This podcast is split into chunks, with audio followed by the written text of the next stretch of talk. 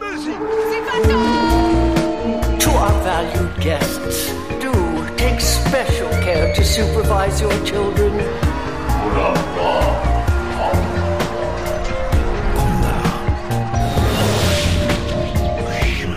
Het is weer ochtend in Pretparkland. Goedemorgen pretparkland en welkom bij een ochtendelijke pretparkpodcast. Mijn naam is Erne Taats en Jelle van Elst en ik doen vandaag een graai in de Instagram Grabbelton.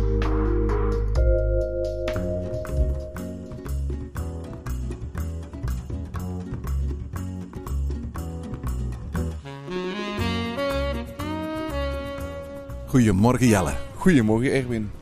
Zeg Jelle, we zijn in Fantasieland vandaag en we gaan weer eens een graai doen in de Grabbelton van Instagram vragen die we afgelopen dagen binnengekregen hebben van luisteraars. Ja, we zitten eigenlijk in een verscholen hoekje van het Woezetown gebied. Ehm, normaal gezien is het hier wel drukker, maar nu is het hier verscholen. Hè? Ja, absoluut. Omwille van weersomstandigheden staat hier op de poort. Is het pad eigenlijk dat om het uh, meer gaat afgesloten op dit moment. En eigenlijk ook Wakobato is eigenlijk al het hele seizoen gesloten.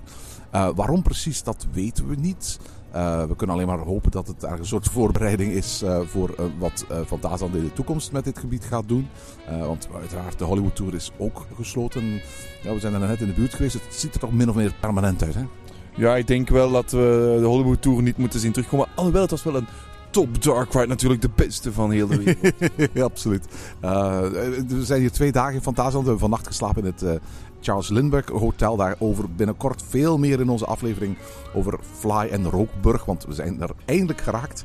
Uh, maar vandaag gaan we eerst een graai doen in de Grabbelton. De zomer zit erop. Jelle, hoe kijk je terug op de zomer?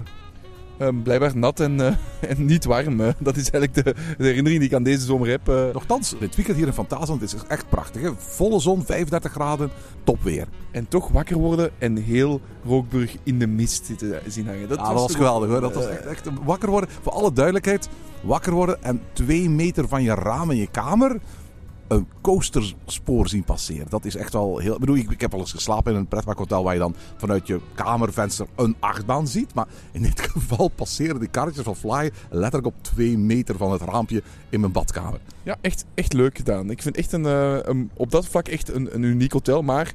Dat houden we voor de volgende aflevering. absoluut, dat is voor een volgende aflevering over Fantasieland. Die komt er binnenkort, heel binnenkort aan. Uh, maar vandaag gaan we eerst wat antwoorden geven op vragen die jullie ons luisteraars gesteld hebben. Uh, en die we via Instagram en Facebook van jullie hebben binnengekregen. Een eerste vraag kregen we van Lizzie VR. Um, en Lizzie, ik, ik, VR klinkt alsof het virtual reality is, maar aan haar foto te zien uh, is het een verwijzing naar Vogelrok. Dus eigenlijk uh, staat dat Efteling ooit een VR-versie doet van Vogelrok, dan zou ze dat in de markt kunnen zetten als VR VR. En haar vraag was: wat vind je van het huisje van vrouw Holle in de Efteling? Moet de Efteling dit um, terugzetten? Ik vind het eigenlijk best wel een hele interessante vraag. Wat vind jij? Ik ben eigenlijk nog altijd niet in de Efteling geweest sinds dat het weg is.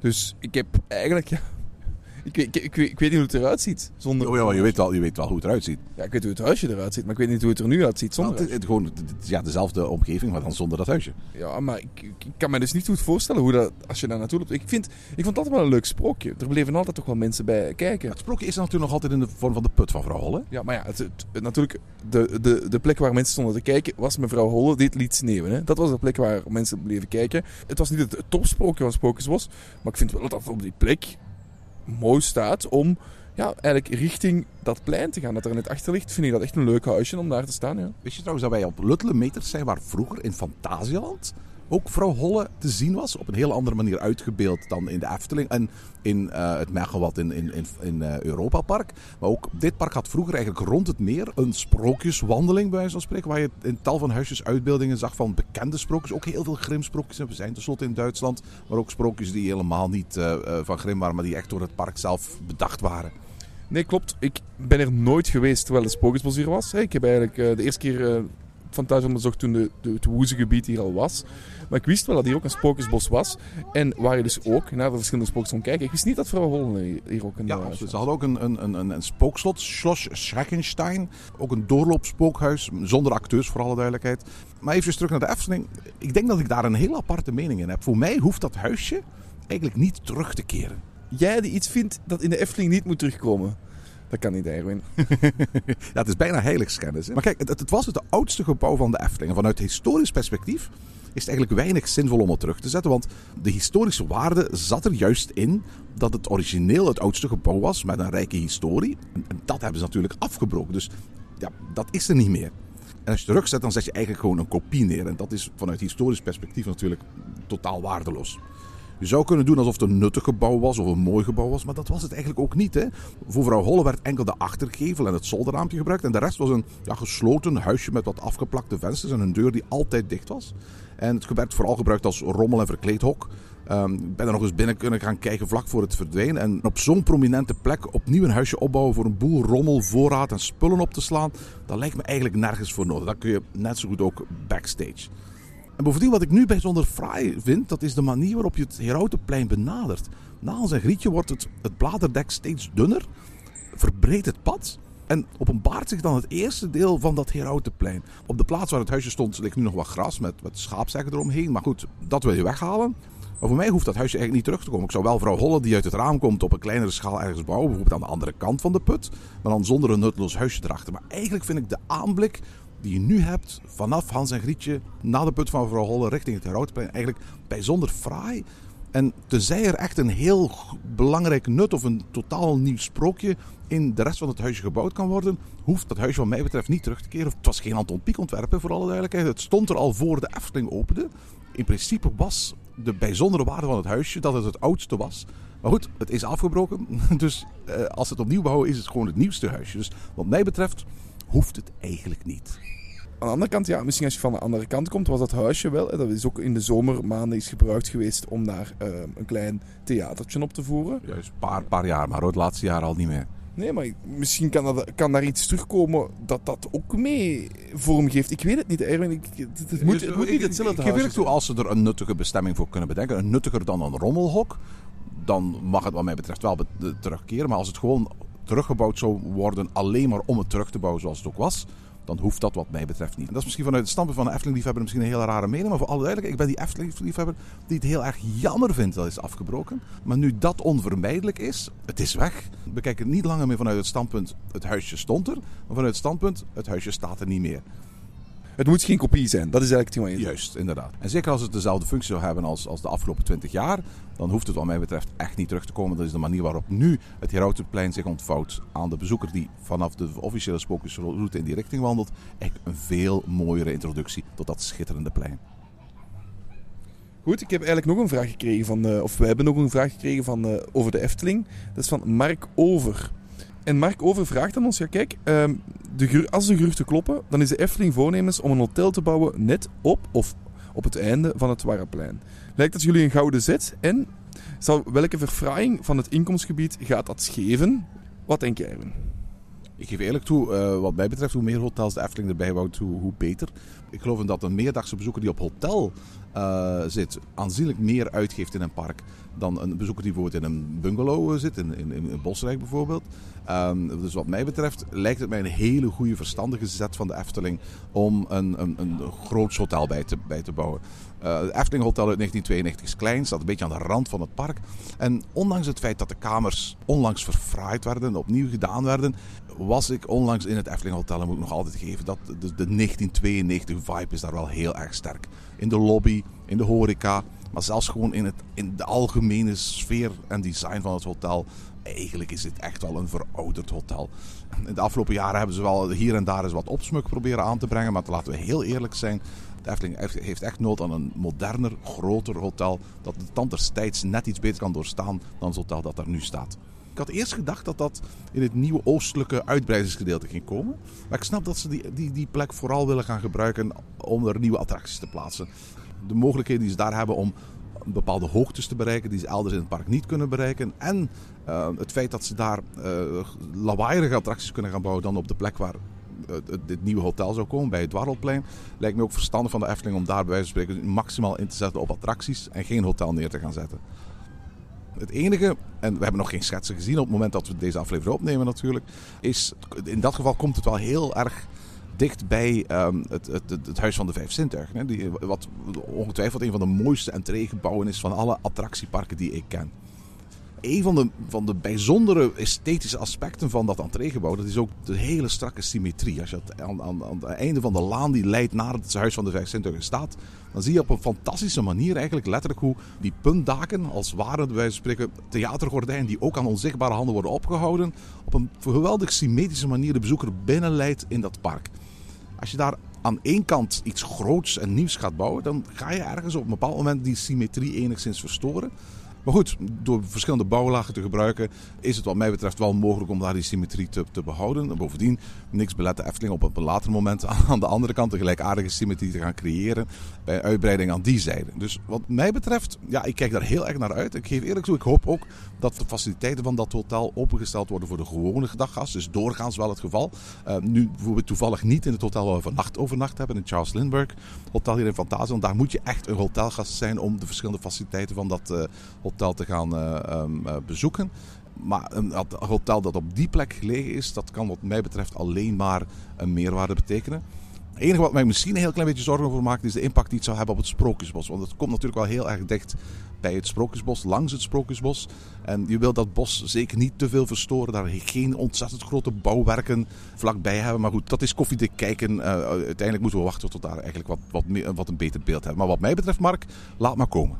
Wat mij betreft ook, en ik ga daar nog een beetje verder op ingaan. Als je um, voor het gebouw staat en je kijkt naar de linkerkant, dan staat daar ja, de hondenkennel aan de andere kant van het gebouw. Als je in, de, in het park bent eigenlijk, dus ook aan de linkerkant van het... Allez, dus eigenlijk gewoon ja, dezelfde, hetzelfde gebouw, maar gewoon in het parkzijde. Um, daar heb je de wc, de, de plek om uh, buggies te huren. Ik vind dat een heel lelijk gebouw.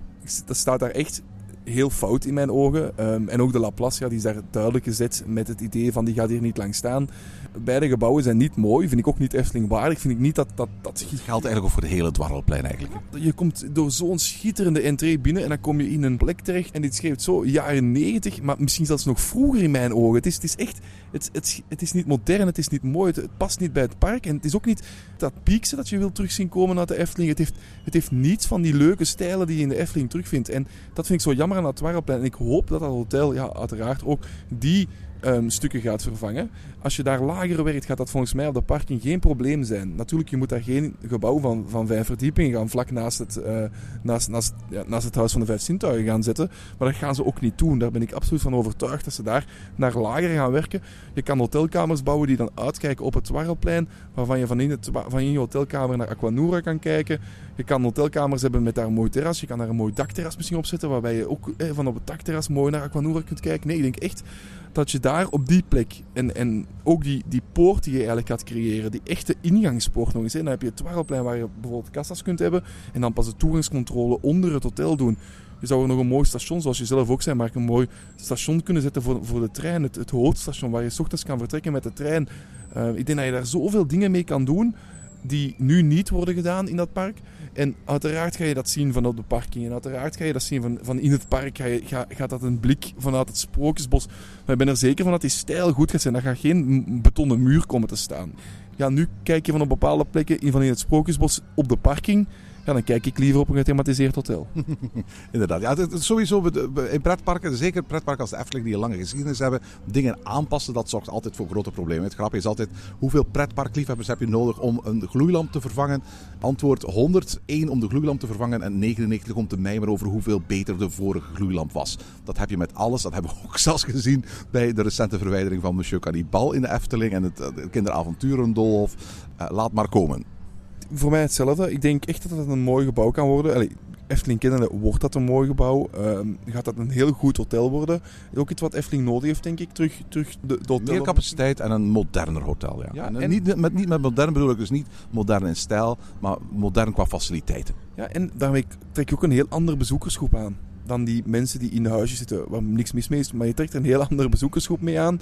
Ik denk dat de Efteling daar op dit ogenblik nog een gat in de markt heeft. wat, er, wat, er, wat er mis is vanuit een financieel oogpunt met die mensen die in, in, in huisjes zitten, is dat die mensen in die huisjes beschikken over een keuken. Dus met andere woorden, die mensen hoeven niet als ze drie dagen in het park zijn, die drie volle dagen aan horeca in het park of in een hotel te gaan besteden. Die passeren langs de uh, Albert Heijn in de Gasthuisstraat, uh, laden hun auto vol met, met, met alle eten dat ze nodig hebben voor drie dagen. En gaan misschien één of twee keer iets eten in de Efteling zelf. Hotelgasten wat dat betreft zijn bigger spenders. Hier haal je ja, gasten met, met meer geld binnen, om het zo te zeggen vaak. Hè. En, en die gaan daar meer besteden in het park, wat, wat positief is. Maar laten we dan nog één keer het kritisch punt zeggen. Dan moet de horeca in de Efteling wel verbeteren. En ik hoop dat, dat met, dat, met dat hotel, dat daar ook een aantal heel goede restaurants in komen. Die zoals je zegt, dan ehm, open zijn voor de gewone parkgast ook. En dat je dan bijvoorbeeld 's middags ook gewoon in dat hotel kan gaan eten. En hopelijk komt er daardoor ook een beetje meer beweging aan die kant van het park in het midden van de dag. Kregen ook een vraag binnen van Michel VD. Die vroeg, wat vond je van de Behind the Attraction TV-serie? Heb je die gezien, Jelle? Nee, nog niet. Je hebt toch Disney Plus, hè? Ja, ik moet die nog altijd kijken. eh. ik heb er nog geen tijd voor gevonden of, of nog niet op, op play geklikt. Dus ik moet Vooral duidelijkheid, toen dus eh, ehm, ehm, Disney Plus van start ging, hadden ze daar die serie The Imagineering Story. Maar nu hebben ze eigenlijk sinds eh, juli een, een tiendelige serie. Eigenlijk de eerste vijf afleveringen zijn in juli gereleased. De laatste vijf afleveringen zijn in augustus gereleased. Behind the Attraction zijn tien afleveringen van ongeveer drie kwartier. Soms iets korter, soms iets langer. Dat ze eigenlijk ehm, het, het verhaal vertellen achter tien belangrijke attracties of attractietypes in de verschillende Disneyparken overal ter wereld. Uh, denk dan aan It's a Small World, denk aan Haunted Mansion, denk aan Jungle Cruise. Maar denk bijvoorbeeld ook aan het verhaal achter de treinen en monorails van Disney. Of de, de, de verschillende attracties met sprekende en bewegende presidenten. Of zelfs het, het verhaal van het Disneyland Hotel. Het is ook interessant om te zien dat niet alle belangrijke attracties een aflevering gehad hebben. Er is bijvoorbeeld geen aflevering over, ik zeg maar iets, hè, um, Pirates of the Caribbean. Wat doet vermoeden dat Disney Plus ook een tweede seizoen in gedachten heeft. En omdat ze geen seizoen met alleen maar B-kantjes wilden maken, hebben ze dan maar voor gekozen om een aantal nou, toch wel belangrijke attracties geen aflevering te geven in dit eerste seizoen. Heb jij de Imagineering Story gezien? Ja, die heb ik wel gezien, ja. En wat vond je daarvan? Ik heb daar echt van genoten eigenlijk van die aflevering. Ik vond het, eh, dus het is wel even geleden, dus, dus, dus eh, je vraagt me nu geen details meer. Maar ik vond het wel... Komt een overhoring zo meteen. ik, ik heb het wel echt, ik vond het wel echt tof om te zien. Het, het, je komt verhalen te weten die soms sommige kende je uiteraard al. Ik heb uh, heel vaak naar Ochtend in Pretparkland geluisterd, dus ik kende al veel verhalen. Maar de andere verhalen, het is wel leuk om, om zo'n inkijk te kijken eigenlijk achter de schermen van, van het plezier maken, waar wij het ook over proberen te hebben. Ik luister ook vaak podcasts om dit soort verhalen te horen. Ik ga je eens vertellen, ik vind die nieuwe serie beter dan Imagineering Story. Mm -hmm. uh, ik heb er echt van genoten. Imagineering Story was erg fraai.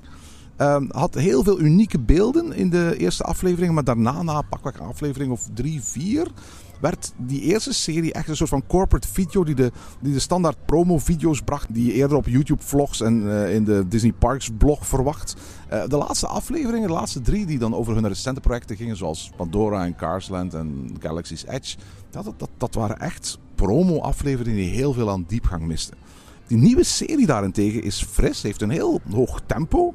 Met een stijl van monteren en humor die, die nog het meeste doet denken aan de magische klokfilmpjes van de Efteling die op YouTube uh, verschenen een aantal jaar geleden. Maar dan met veel meer videomateriaal dan, dan, dan foto's. En veel meer materiaal dat ik nog nooit eerder had gezien. Er zit echt heel veel exclusief materiaal tussen. Kijk, we zijn, zijn bijna 30 jaar na de opening van Droomvlucht ondertussen. En ondertussen mag je dus echt wel veel meer verwachten van een pretparkdocu dan een HD-versie van Dromen met je ogen openen, die making-of van, van Droomvlucht die ooit is uitgebracht door de Efteling. Hè. Documentaires hebben echt, zowel van, qua manier van vertellen als manier van monteren, een behoorlijke evolutie doorgemaakt. Als je kijkt naar de recente Oscar-winners van, van, van beste documentaire, zie je dat dat een stijl is die echt totaal afstapt van die saaie, chronologische manier van vertellen.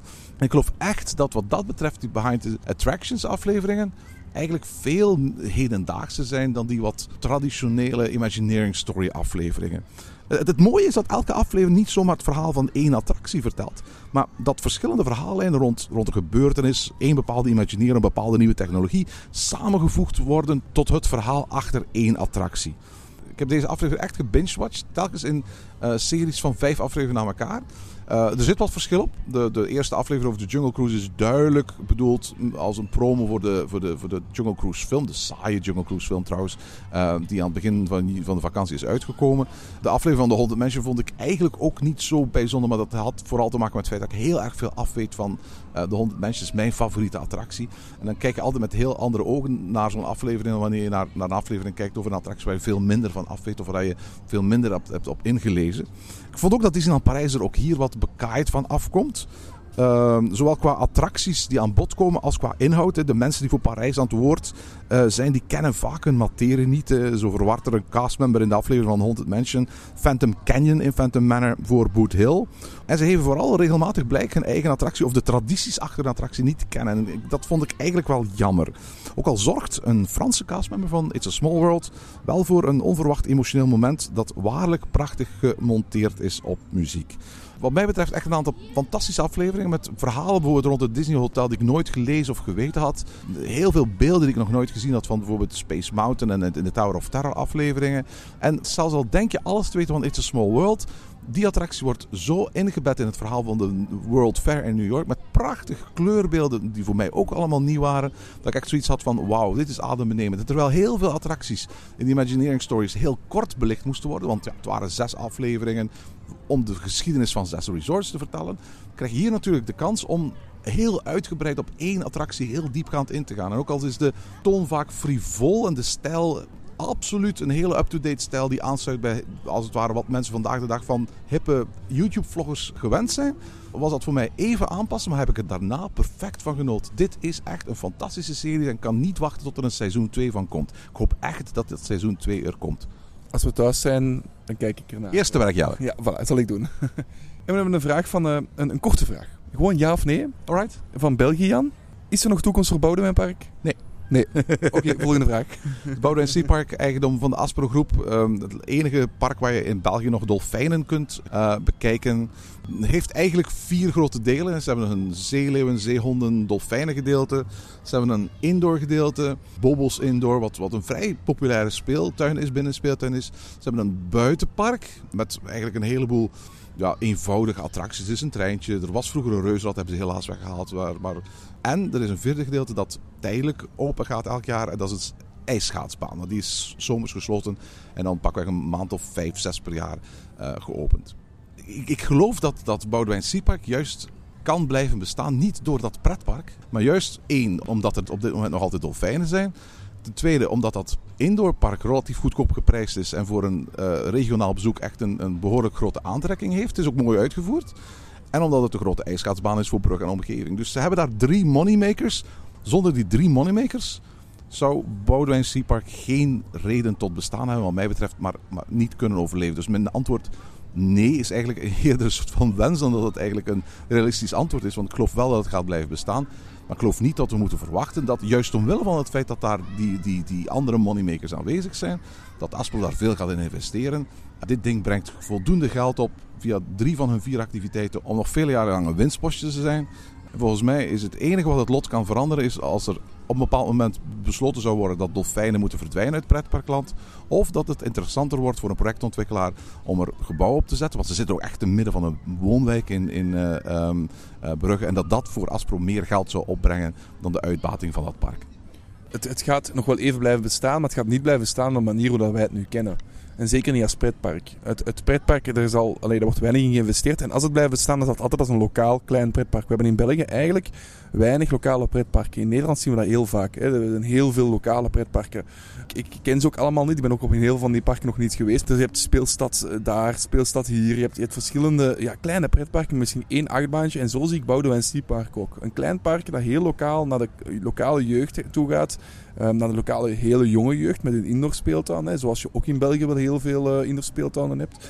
Dus, dus dat gaat werken en dat gaat ook nog wel even blijven bestaan. Tenzij je, zoals je net zei, het, toch verkocht wordt voor, voor ja, gewoon grote flatgebouwen op te zetten. Maar ik verwacht dat die, die speeltuin en die, dat klein pretparkje wel een bestaansrecht heeft. Dat unique selling point van, van de dolfijnen is volgens mij steeds minder en minder een unique selling point. Ik denk dat, los van het feit of het nu mag of niet mag, gaan mensen ook gewoon minder en minder het aanvaarden dat er dolfijnen zijn. En gaan volgens mij ook minder en minder mensen speciaal hun kinderen meenemen naar daar voor de dolfijnen.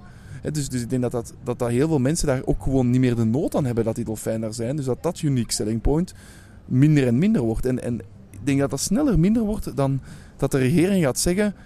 het mag niet meer. Ze gaan er blijven zijn tot het niet meer mag, want ze zijn er nu eenmaal. En, en, allee, maar ik denk dat er geen grote investering meer gaat in gebeuren.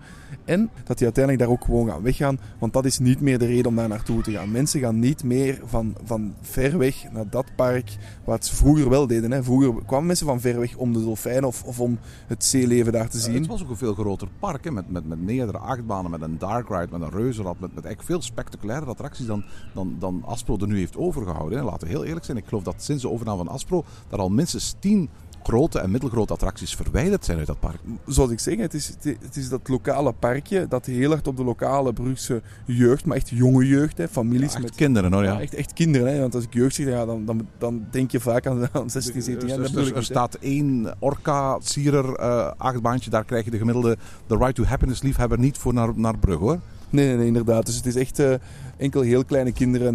da- daar is het enkel voor bedoeld.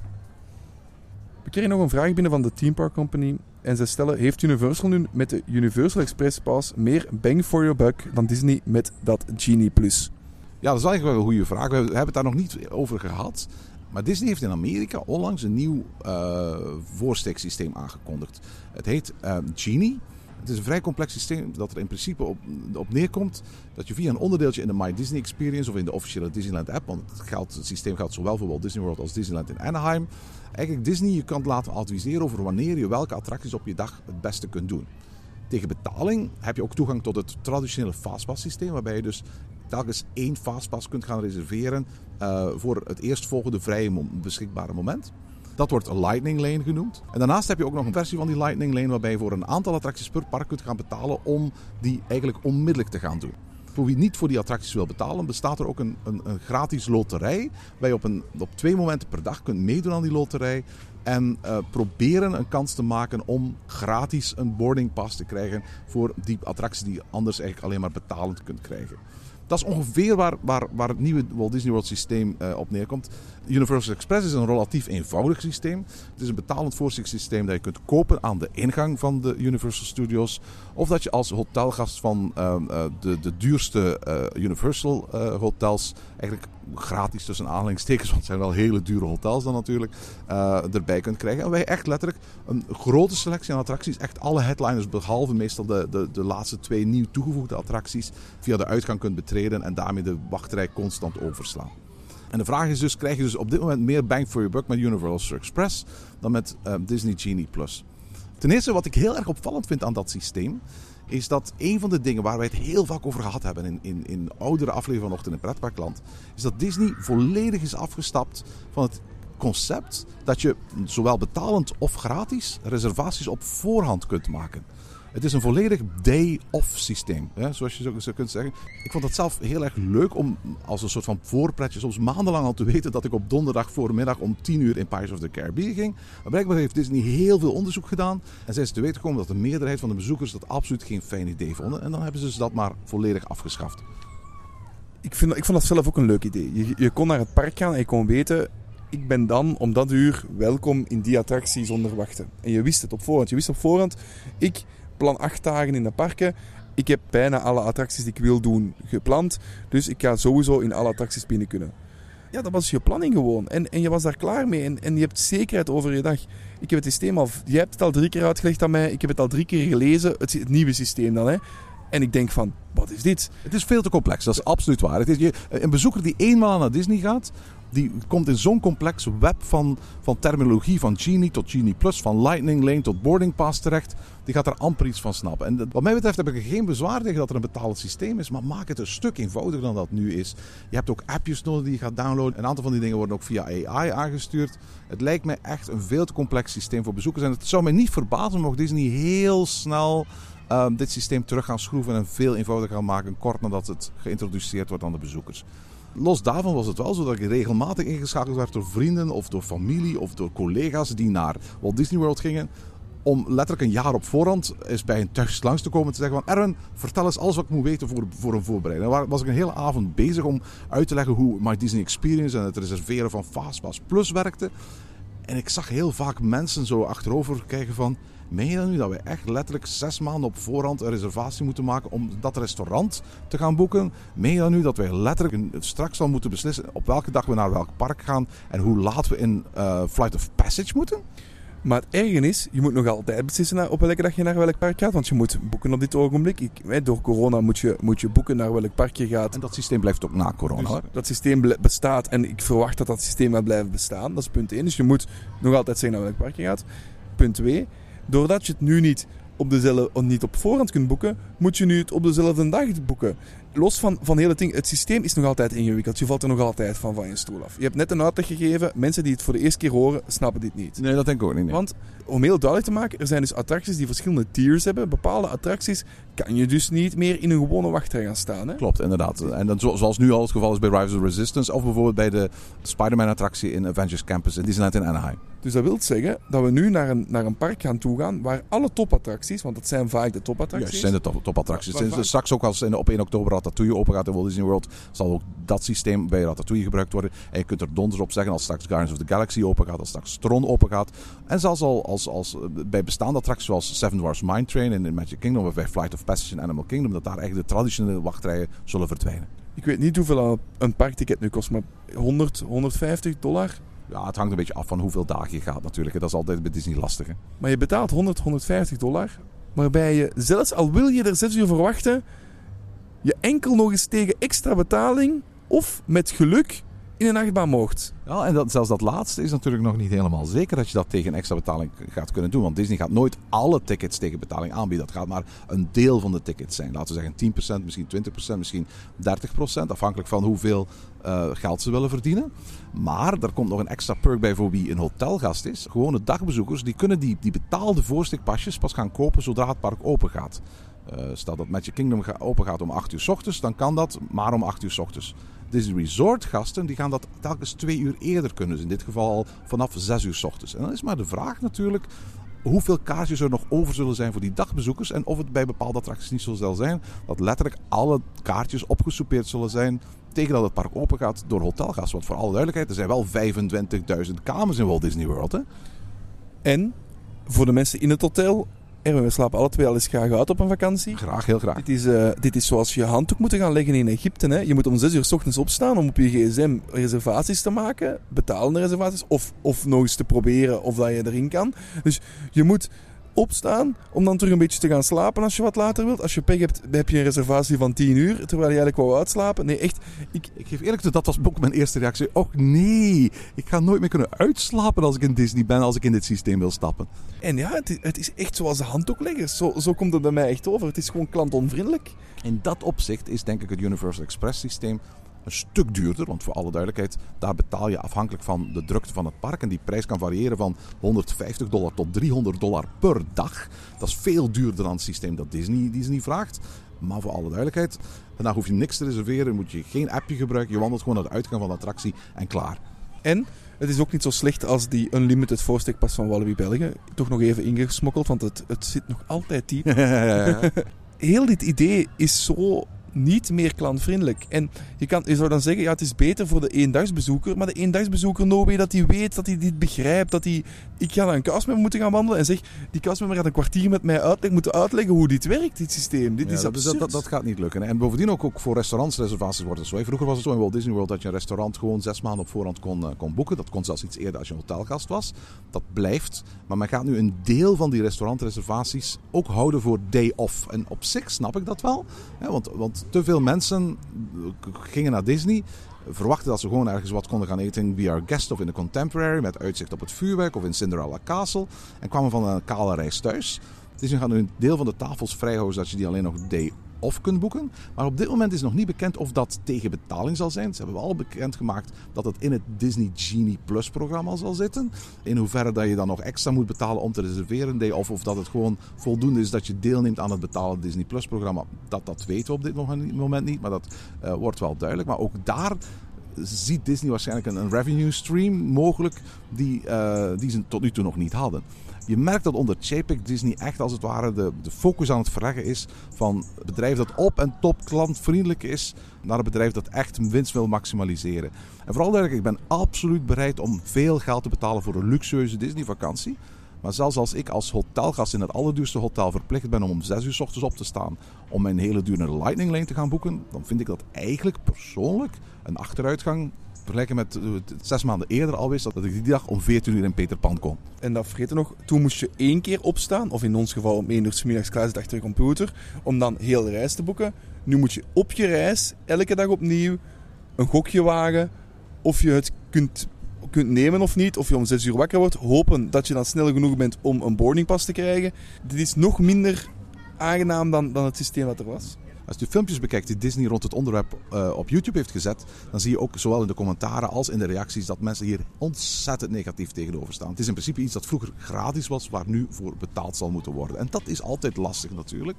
Maar bovendien geloof ik niet dat het een verbetering is. Althans vanuit mijn persoonlijke standpunt. Ik geloof wel dat het niet langer op voorhand mee moeten boeken van dingen voor een groot deel van de bezoekers echt wel een voordeel is dat neemt niet weg dat dit nieuwe systeem toch nog erg complex zal zijn en volgens mij ook heel snel enigszins vereenvoudigd gaat worden. Krijg je in Universal meer banks for your buck? Het is moeilijk omdat je ook veel meer bucks moet betalen natuurlijk. Uh, tenzij je in de allerduurste hotels uh, gaat zitten. Ik kan me wel voorstellen als je in een heel duur hotel van, van um, Universal gaat zitten. Waar die Universal Express is inbegrepen in de hotelprijs. Dat je inderdaad op dat moment meer banks for your buck krijgt dan dat je in een heel duur Walt Disney World hotel gaat zitten, waar je dan nog eens extra voor deze dienst moet gaan betalen. Inderdaad.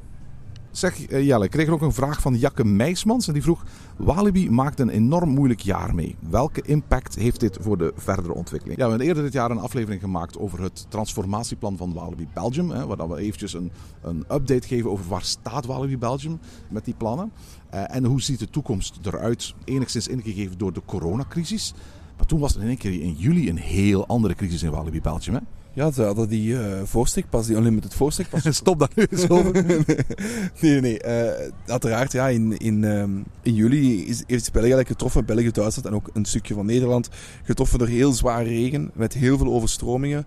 Heel het park stond echt ja, tot, tot een meter hoog onder water. Ik, ik, heb, ik heb beelden gezien van Aqualibi dat vol met modder ligt, dat, dat, waar, waar de pompen allemaal stuk zijn door de modder ja, het water stond binnen overal. Hè. Het, stond, het stond binnenin in, in, in hun dark ride. Het water stond hoger dan de achtbaanrails, waardoor ook alle elektronica onder water stond. Uh, het is echt een... Uh, ja, het is, het is duidelijk een ramp, want we zijn ondertussen ja, al, al meer dan een maand verder en het park is nog steeds gesloten. Ja, absoluut. Het park heeft ook uh, aangegeven tot in elk geval begin oktober gesloten te blijven en te heropenen voor het Halloween seizoen. Alleen um, nog niet gespecificeerd op welke manier dat gaat gebeuren. Gaat dat alleen zijn voor een Halloween-festiviteit zonder de attracties? Gaat dat met een beperkt attractieaanbod zijn? Of gaan ze erin slagen om alle attracties tegen die tijd klaar te krijgen? Ik kan me heel goed voorstellen dat, dat Walibi nu in een ontzettend moeilijke situatie zit. Want ten eerste, uh, je kunt natuurlijk al die attracties gaan herstellen. Sommige van die attracties waren ook heel oude attracties, waar ongetwijfeld plannen voor hadden in, om in de toekomst die te vervangen door nieuwe attracties. De vraag is van, ga je daar nu, omdat je ze moet herstellen, die grote investering aan wagen. Verzekeringen betalen doorgaans niet de nieuwwaarde van een attractie terug, maar de waarde van de attractie op het moment zelf. Dus met andere woorden, vaak is dat niet genoeg om als je hele grote kosten moet doen, het volledige bedrag van de verzekering daarvoor te gebruiken. Anderzijds speelt nog iets anders en dat is als dit dit jaar één keer kan gebeuren, kan dit net zo goed volgend jaar opnieuw gaan gebeuren.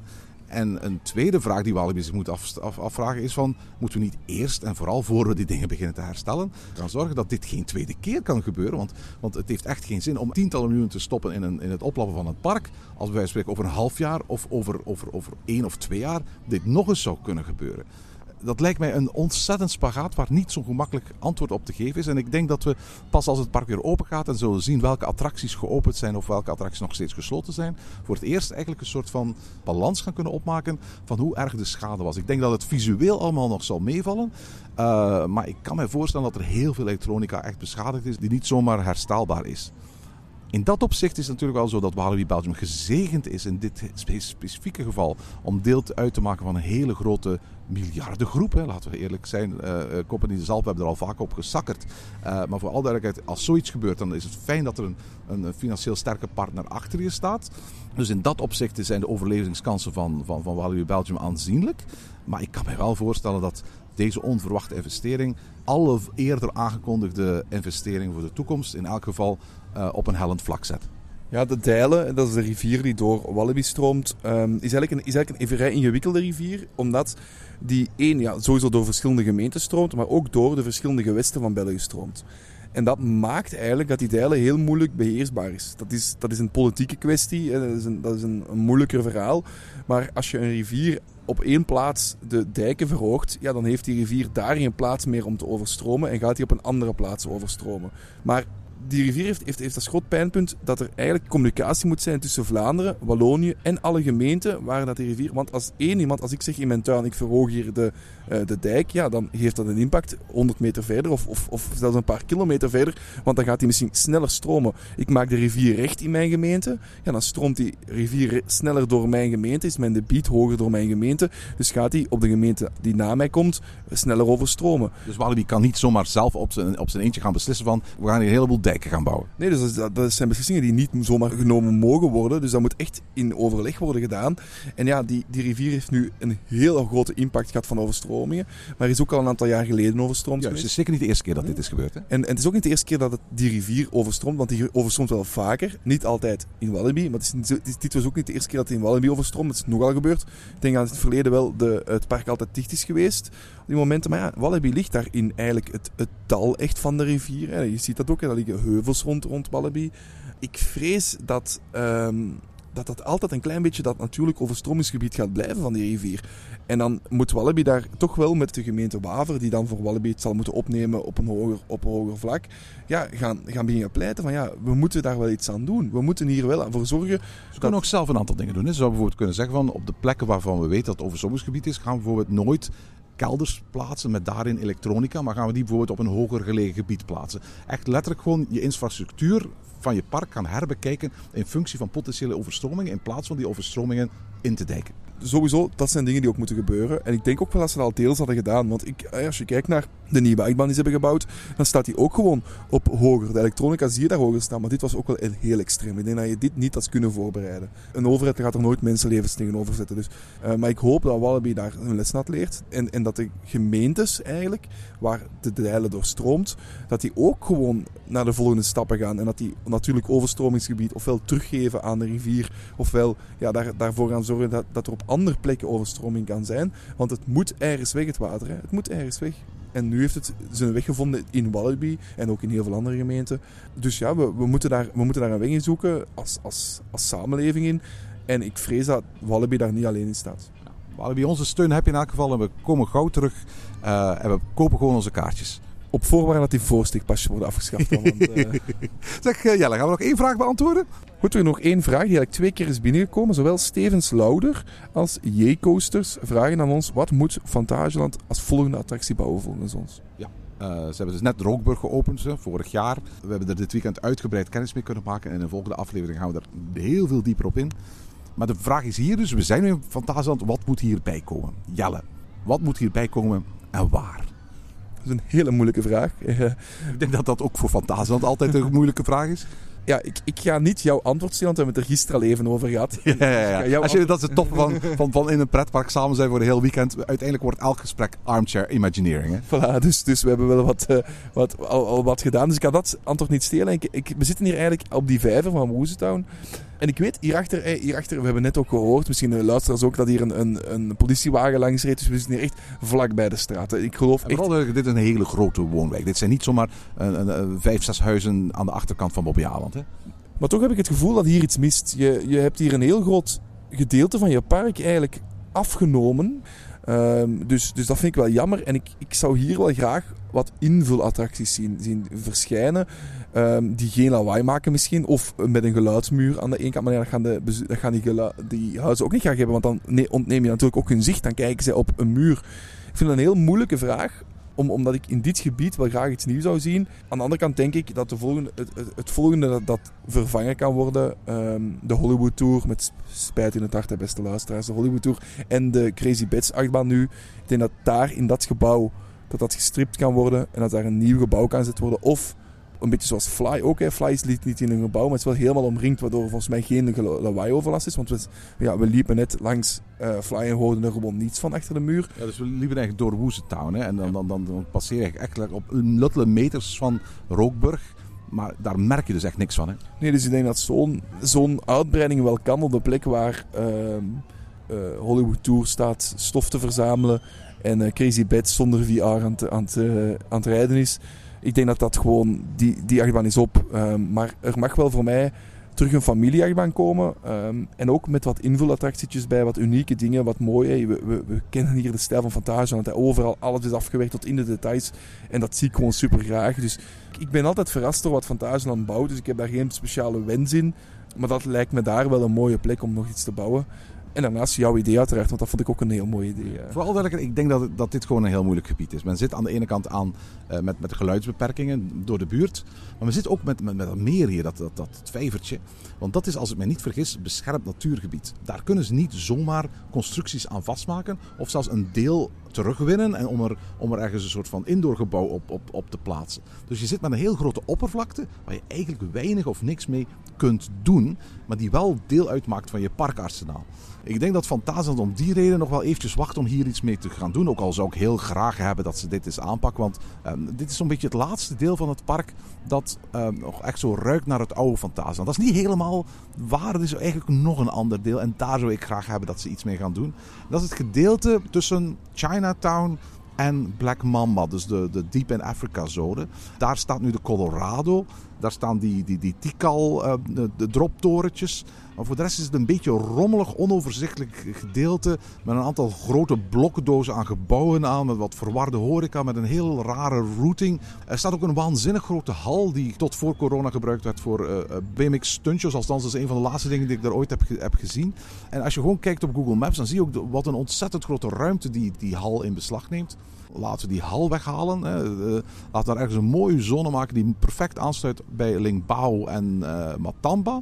Laten we absoluut de, de Colorado behouden. En volgens mij heb je dan een zone die qua, qua grootte kan wedijveren met de oppervlaktes die we ter beschikking hebben in Rookburg. Als je weet hoe Erik Daman, de huisontwerper, echt met verschillende gelaagdheden kan, kan, kan bouwen, kan ik me heel goed voorstellen dat je ook daar best wel wat eh, lagen aan, aan, aan, gebouwen neer kunt zetten.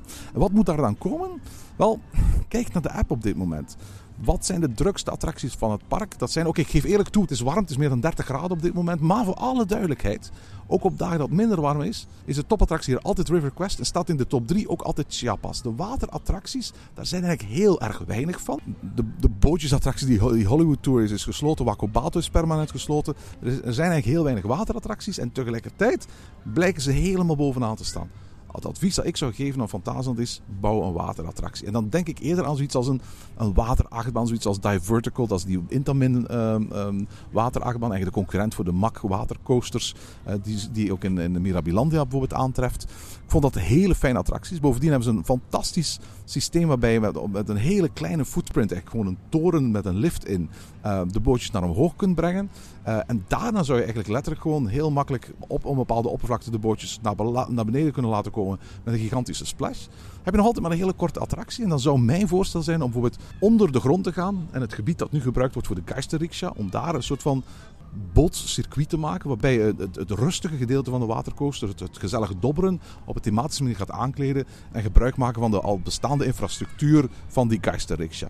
En wat mij betreft mag dat bijvoorbeeld gerust in Chinees thema zijn. Waardoor die, die Chinatown-zone net iets meer aantrekking krijgt. Want op dit moment Chinatown veel meer dan die Madhouse is er eigenlijk niet. En die Geisterriksja.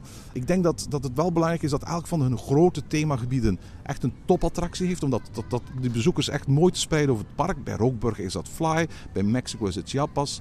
Bij Kloekheim is dat Taron. Ja, het Chinees themagebied heeft dat niet echt. Wat mij betreft hoort daar ook qua bezoekersverspreiding eigenlijk een grote topper te komen. En dan zou ik echt kiezen voor een grote spectaculaire waterattractie. Waarbij je buiten een zo klein mogelijke footprint hebt. En ondergronds dan eigenlijk de gebruik maakt van de Keizerijksja-infrastructuur. Om daar een, een, de rit voldoende lang te maken.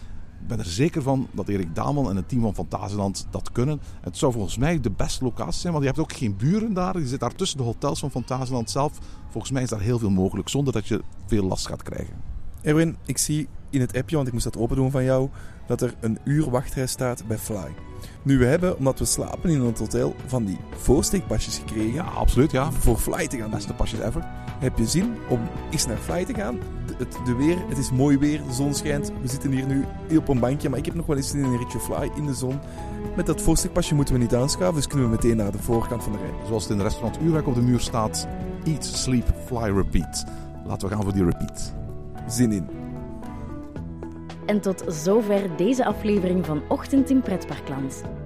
Volg ons via het Pretparkland op Twitter, Instagram en Facebook of mail naar ochtend.pretparkland.be.